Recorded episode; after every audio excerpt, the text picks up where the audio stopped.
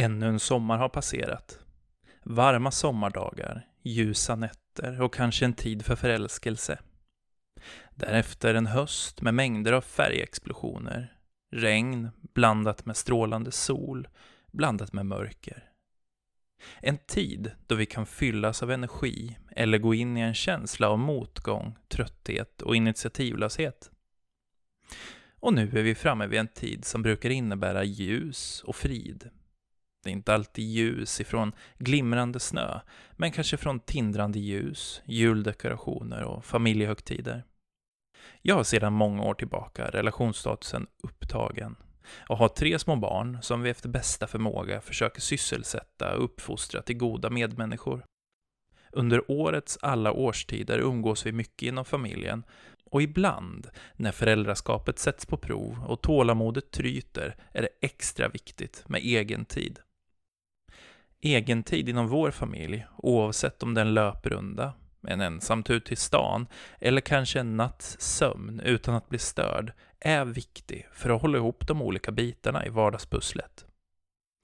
Vi delar den filosofin inom familjen att en viss grad av egentid nog ändå är rätt bra för humör, stress och relationen på lång sikt. När sensommaren övergick till tidig höst fanns det ett tillfälle där det passade extra bra att jag tog mig en dos extra av egen tid.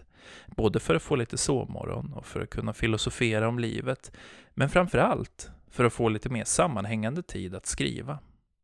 Härligt och efterlängtat på förhand, men jag kan säga dig nu, om jag visste vad jag skulle utsättas för den där helgen så skulle jag för allt i världen ha låtit bli.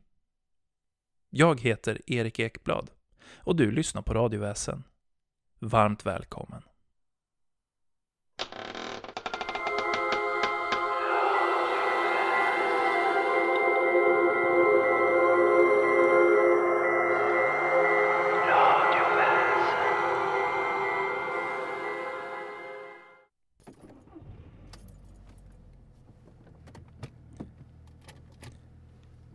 Det var en tidig förmiddag som jag efter en lång frukost i trädgården packade in mig i min Mazda 3 för att köra de drygt åtta milen till den lilla spartanska stugan in the middle of nowhere.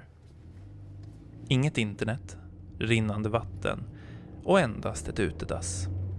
Däremot fanns det elektricitet för att kunna ladda datorn och för att kunna värma enklare mat. Inte direkt ett ställe där man tar med sig sin familj på semester, men det var minimalt med distraktioner och därför var det också ypperligt som skrivarstuga över ett par dagar. Vädret visade sig från sin bästa sida med strålande sol och 25 grader varmt. Tiden i stugan skulle jag förhoppningsvis kunna elda på min kreativitet som under en tid nu krampat till följd av en pressad jobbsituation, dåligt med sömn, vardagspusslet och inte minst den där vattenläckan som skapade ett lokalt Niagarafall nere i den äldsta sonens sovrum. För att maximera tiden så mycket det bara gick tog jag med mig havregryn, konserver och lite annat halvfabrikat som mer eller mindre tillagade sig själv. Det innebar mindre tid till matlagning, lagom energipåfyllnad och mycket tid till att bättra på gamnacken framför datorn. Färden gick längs vindlande landsvägar med vinden rivandes i håret och Metallica skrålande ur högtalaren. I takt med att jag la flera kilometer bakom mig så krympte vägarna mer och mer och omgivningen blev allt mer obebodd. Den lilla stugan, Vedmyra, hade jag funnit via en annons på Blocket. Och det hade snart visat sig att den stod under en förvaltares tillsyn då den egentligen tillhörde en gammal dam som inte längre kunde ta hand om den. På förvaltaren så förstod jag att hon aldrig hade bott i stugan, men att den hade varit i hennes familjs ägo under åtminstone hundra år och kanske mer därtill. För 500 kronor kunde jag få hyra stugan en vecka. Och när jag informerade förvaltaren om att jag bara skulle hyra den över en helg sa förvaltaren att weekends kostade, ja, 500. Det kändes ändå som ett rimligt pris så jag slog till. Den sista biten till stugan bestod av en mycket smal, nästan igenvuxen grusväg med högt gräs. Gräs och bråte slog emot underredet på bilen när jag sakta tog mig framåt och försökte undvika håligheter. Skogen runt om var mörk och ovanligt tät Den hade nog inte gallrats på minst ett halvt sekel. Den varma sommarsolen som jag tidigare älskat gick nu inte längre att se, utan allt låg försänkt i ett mörker. Lagom när jag trodde att jag hade valt fel avtagsväg så såg jag hur ljus började sippra in en bit fram. Mycket riktigt, snart var jag ute i en stor skogsglänta där sommartillstånd åter rådde.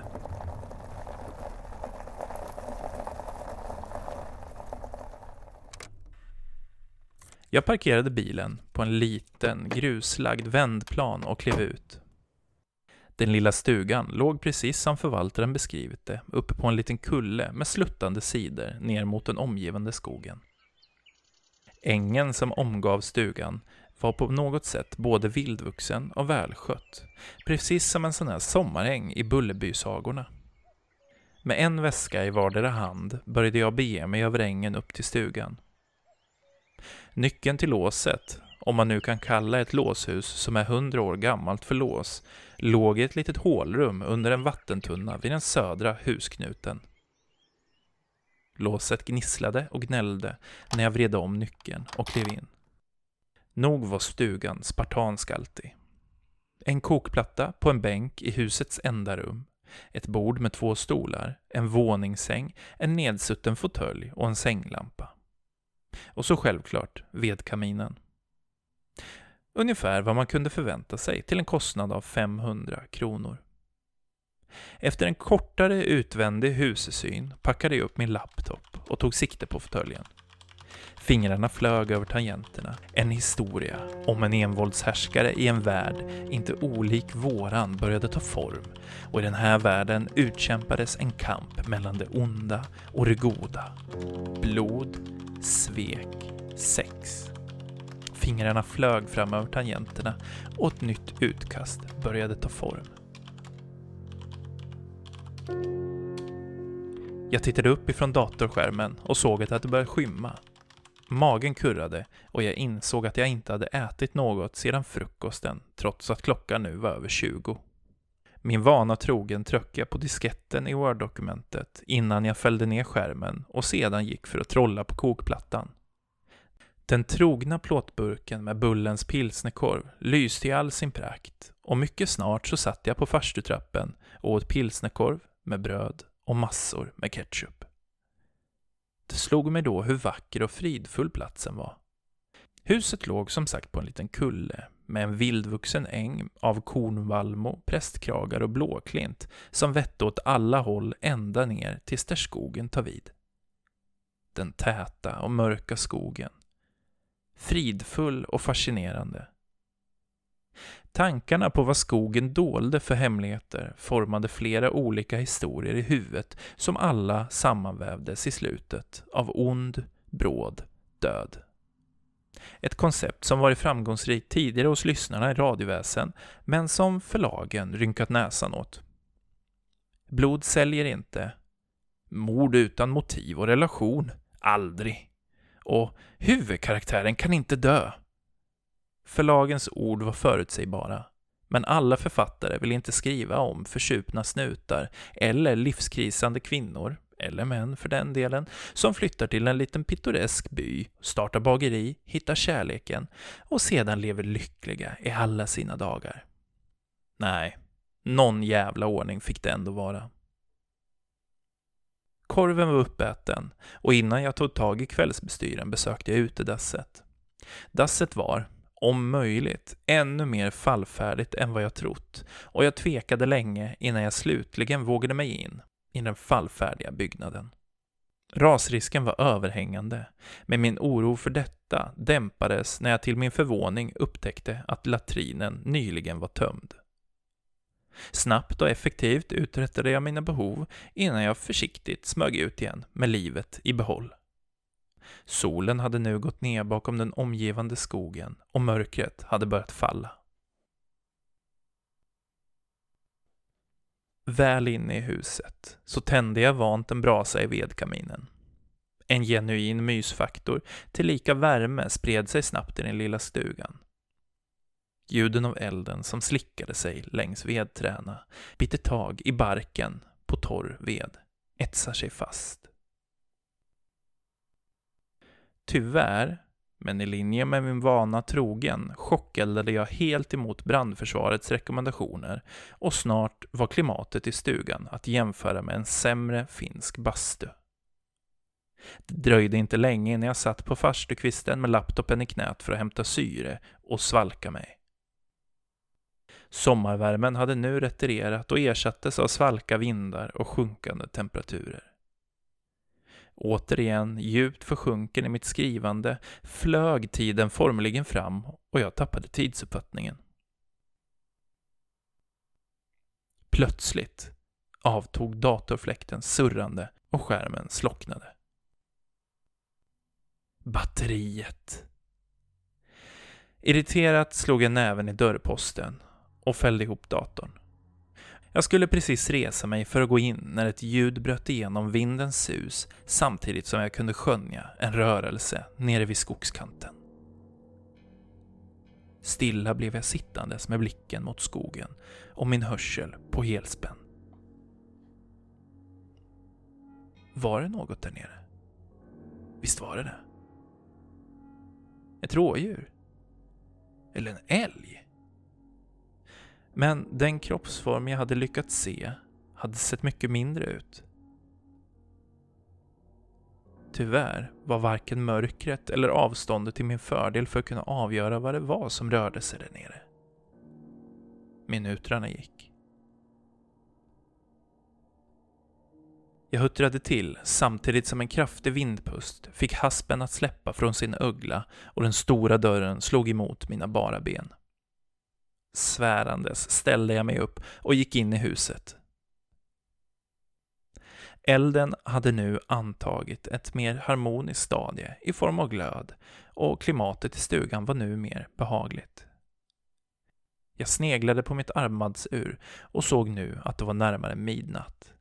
Jag valde därför att krypa ner i sängen för välbehövlig vila och att återuppta mitt skrivande imorgon.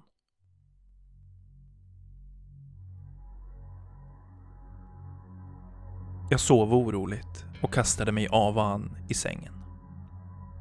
En dröm höll mig kvar i huset där jag hade somnat, men jag var inte ensam längre. Det var någon annan med mig. En man? Nej, flera män. Det var som att de inte kunde se mig, men jag uppfattade att de alla var upprörda över någonting. De sprang alla runt inne i rummet och packade sina väskor med alla husgeråd de kunde få ner. Deras klädsel avslöjade att de inte var från våran tid och alla var i full rörelse i det kaos som rådde. Eller? Alla utom en.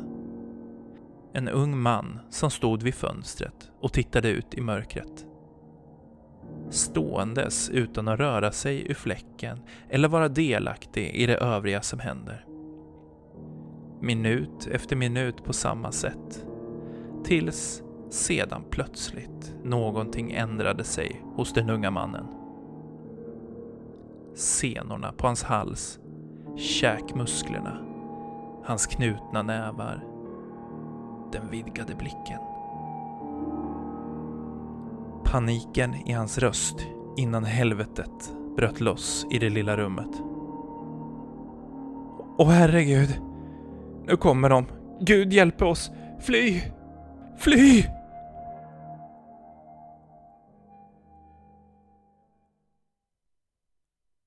Jag vaknade med tryck. Rummet var sänkt i mörker och jag kunde endast se ett par kolbitar som glödde i vedspisen. Jag låg stilla en stund och bara lyssnade.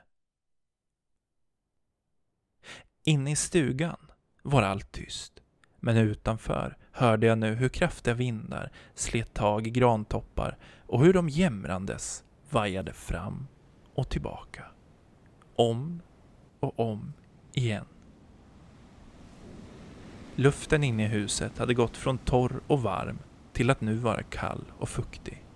Och jag kände hur jag ångrade det där sista jag druckit innan läggdags. Nu när trycket i blåsan var för stort för att kunna somna om. Fötterna svängdes över sängkanten och ner på det kalla trägolvet. och jag gnuggade mina ögon yrvaket. Att gå upp på natten hade varit en sak hemma, men det är en helt annan sak när man ska ut till moder natur och hennes bäckmörker. Men det är som man säger, nöden har till sist ingen lag.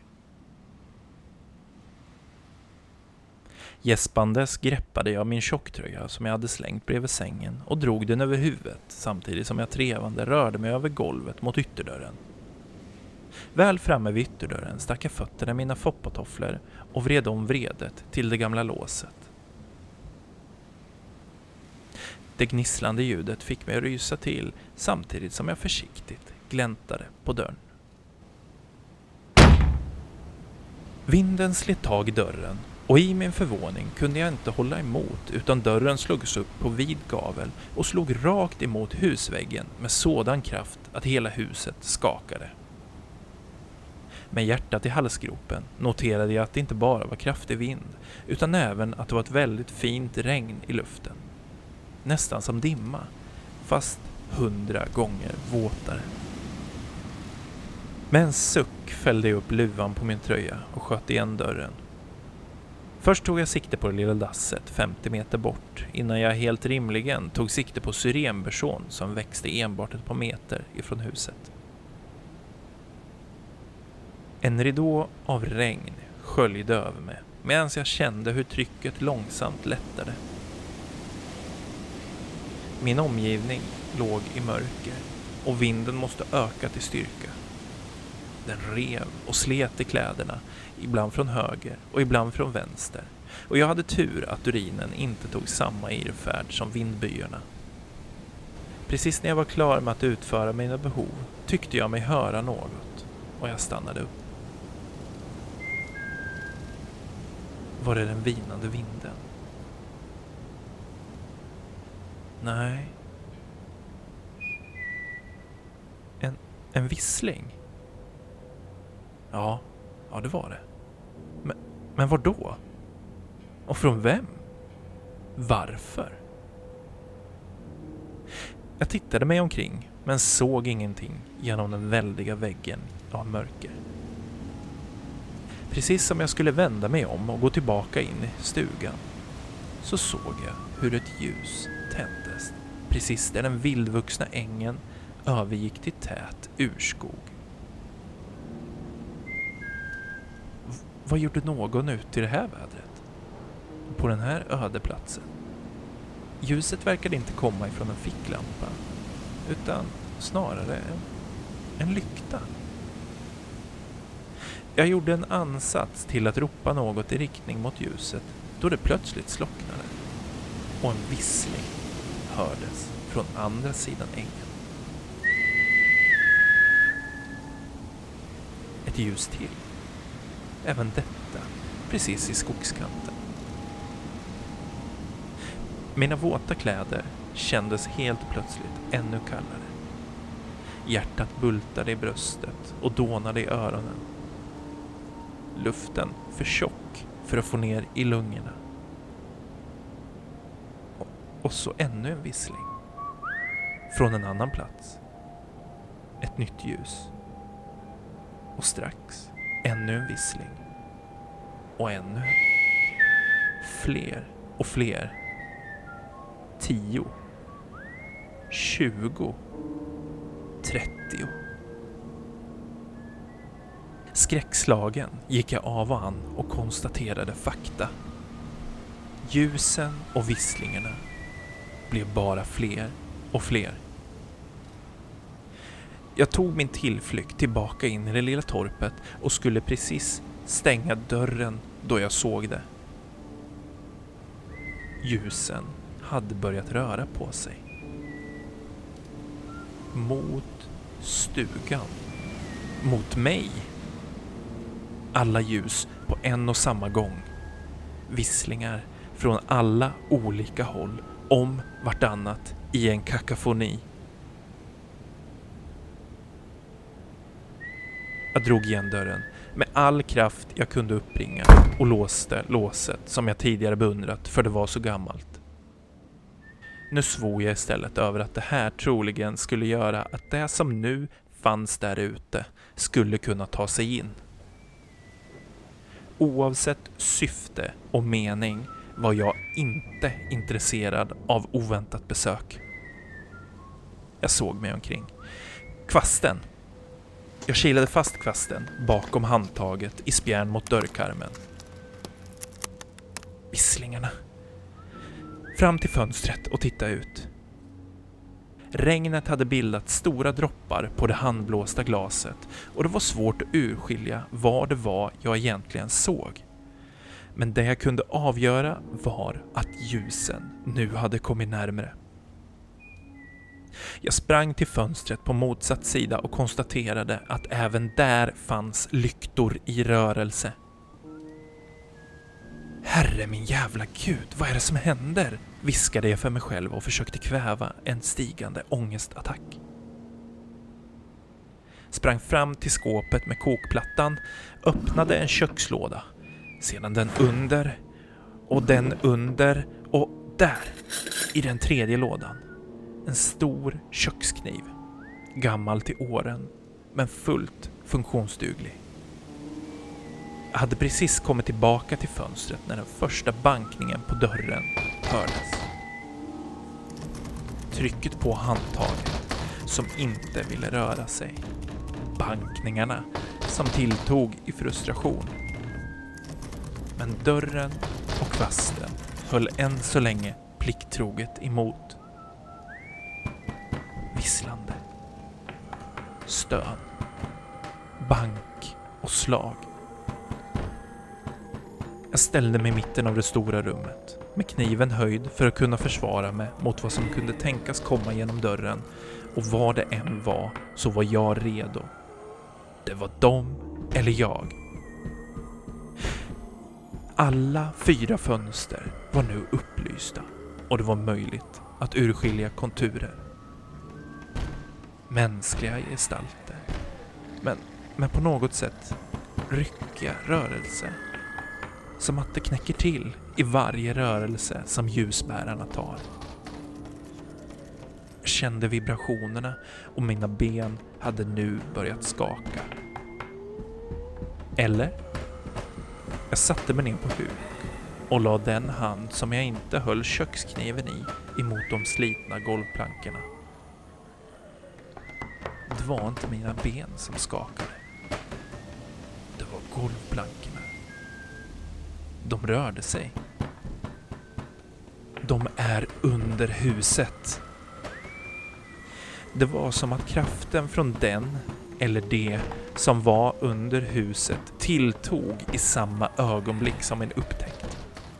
Brädornas vibrationer började nu få de flera hundra år gamla spikarna att långsamt, långsamt lämna sin viloplats där de så länge tillbringat sina liv. Jag började hyperventilera. Men på grund av all damm, jord och smuts som lämnat springorna och hålrummen framkallade det här bara hostattacker. Jag kände hur hjärtat dånade inombords och hur jag började se suddigt. Omgivningen dånar. Världen snurrar. Snabbare och snabbare till ljudet av bank, slag och stön. Jag släpper kniven som faller till golvet och så sjunker jag långsamt ner till sittande. En tår längs min kind. Är det nu jag dör? Är det här det slutar? Jag funderade över valet jag gjort. Att åka hit och lämna mina barn hemma. Lämna min sambo. Kommer barnen minnas mig?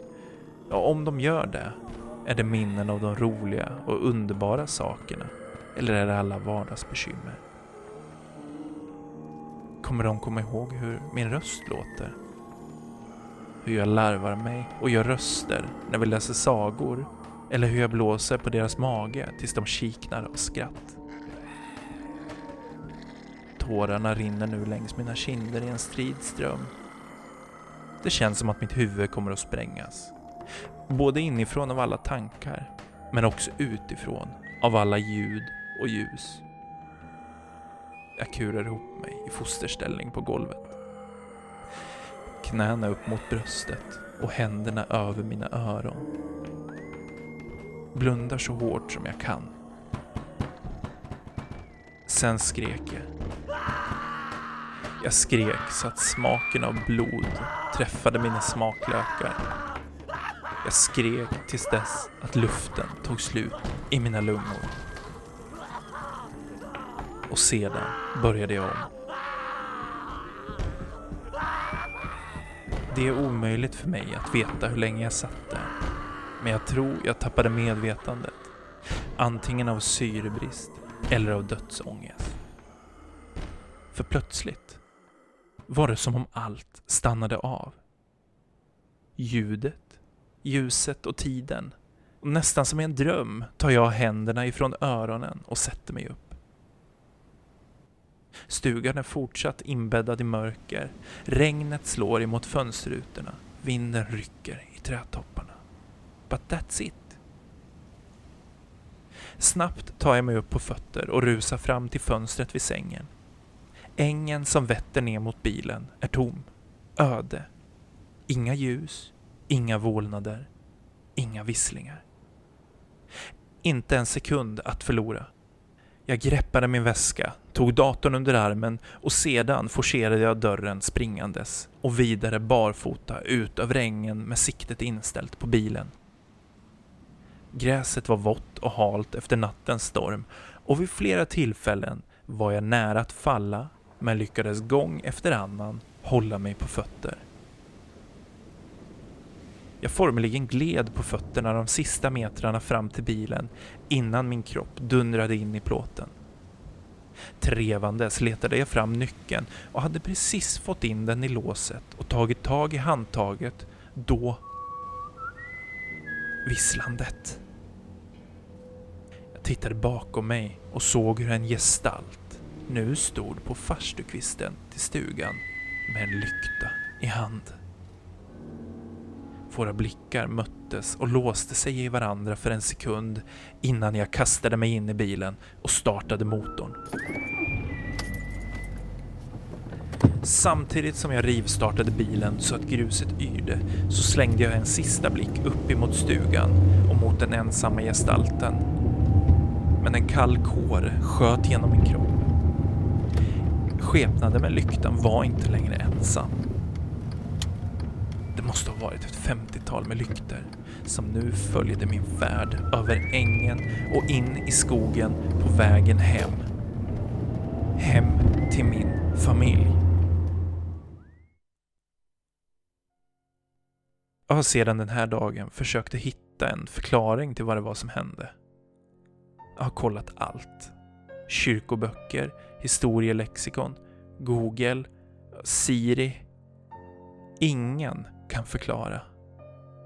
Det hela känns mycket olustigt och det kan tidvis hålla mig vaken om nätterna. Var varelserna onda? Vad ville de mig? Hade de ett budskap? Är de bundna till platsen eller, eller till mig? Så många frågor utan svar. Men det jag vet efter hela den här skrämmande upplevelsen, det är att det kommer dröja väldigt länge innan jag överhuvudtaget tänker på egen tid igen.